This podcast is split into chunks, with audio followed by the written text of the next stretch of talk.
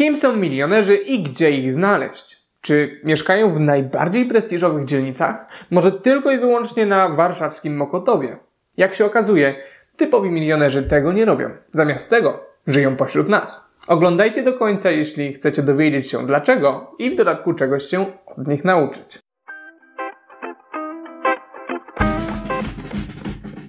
Dzień dobry, z tej strony Hubert i bardzo miło mi Was widzieć na kolejnym piątku z Pankracem. Bardzo często pytacie mnie o książki, które polecam, dlatego dzisiaj porozmawiamy sobie właśnie o książce.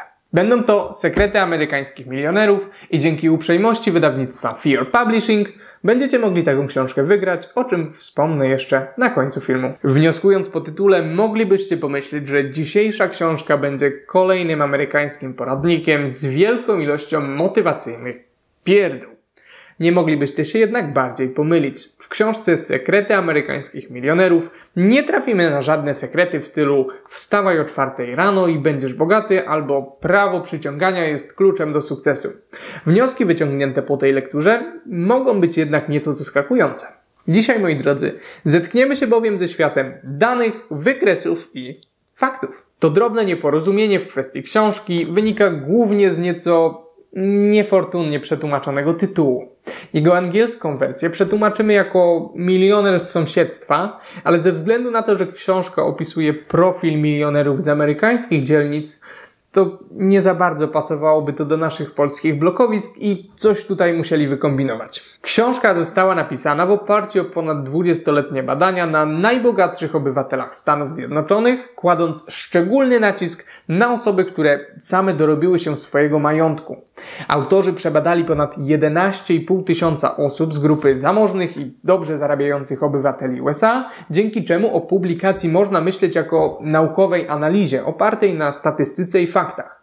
Dane te diametralnie zmieniają wyobrażenie milionera znane z telewizji, a także rozwiewają mity na temat ludzi bogatych. No właśnie, jeśli wydaje Wam się, że większość milionerów jeździ drogimi furami, pływa na jachtach albo ubiera się w Louis, Gucci czy Supreme, to ta książka może bardzo Was zdziwić. Podobnie jeżeli uważacie, że bogactwo pochodzi zazwyczaj ze spadku albo, nie wiem, wygranej w totolotka.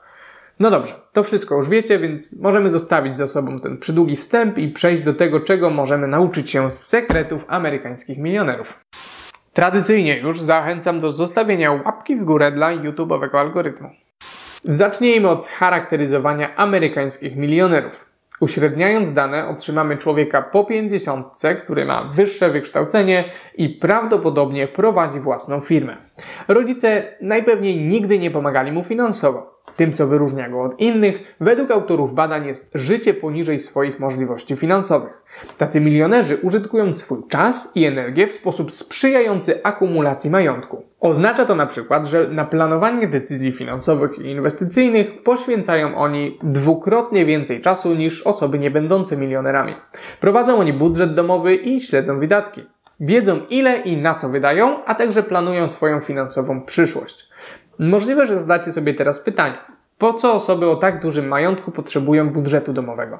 Przecież stówka w tom czy w tom raczej nie zrobi im różnicy. Aby to łatwo zrozumieć, pomyślcie o najbardziej napakowanym znajomym, jakiego macie.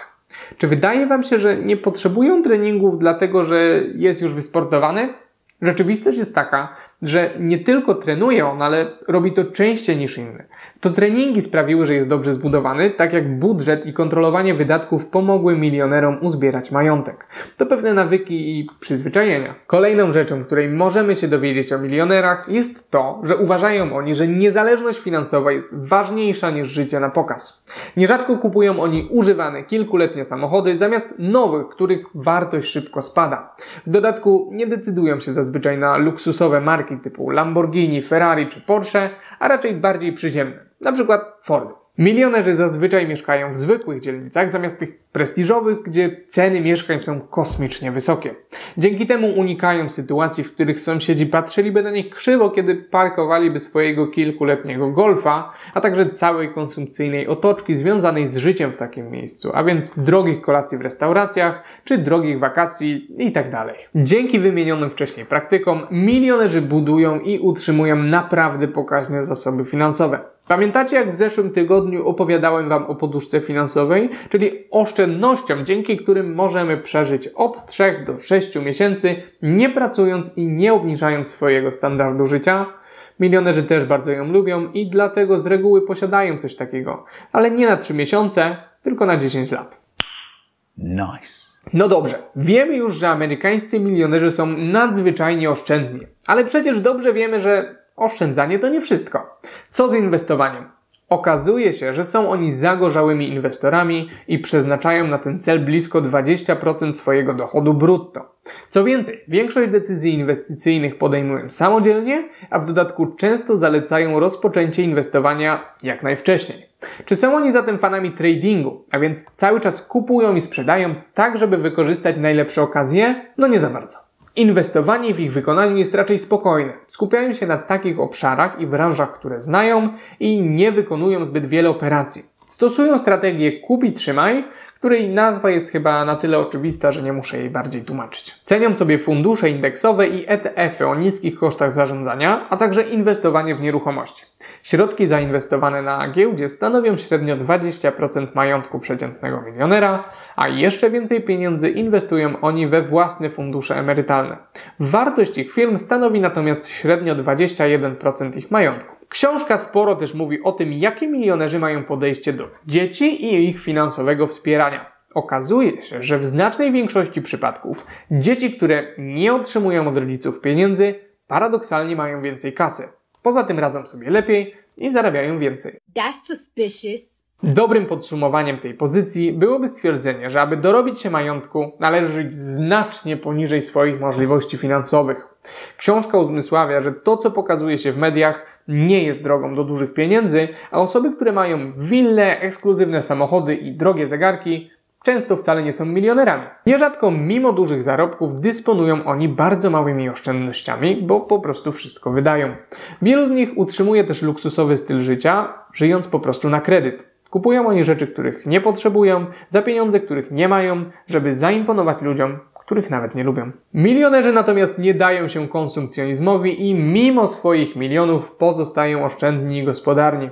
Tego samego uczą też swoich dzieci, bo wiedzą, że mądra i systematyczna praca w tej dziedzinie musi się po prostu opłacić. No dobrze, sporo powiedzieliśmy sobie o tej książce, ale zaręczam Was, że sporo zostało też do opowiedzenia.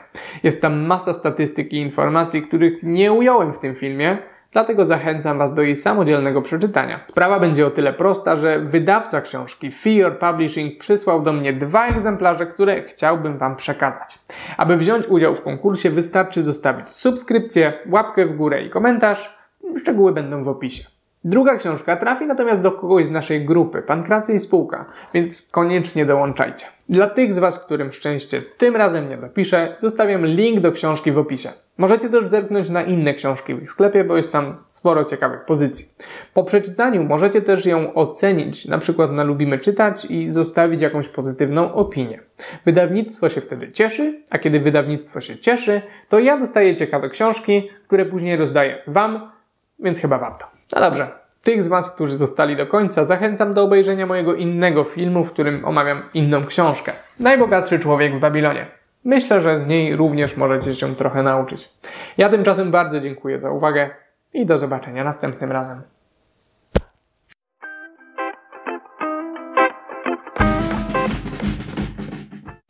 Ci ludzie nie mogą być milionerami.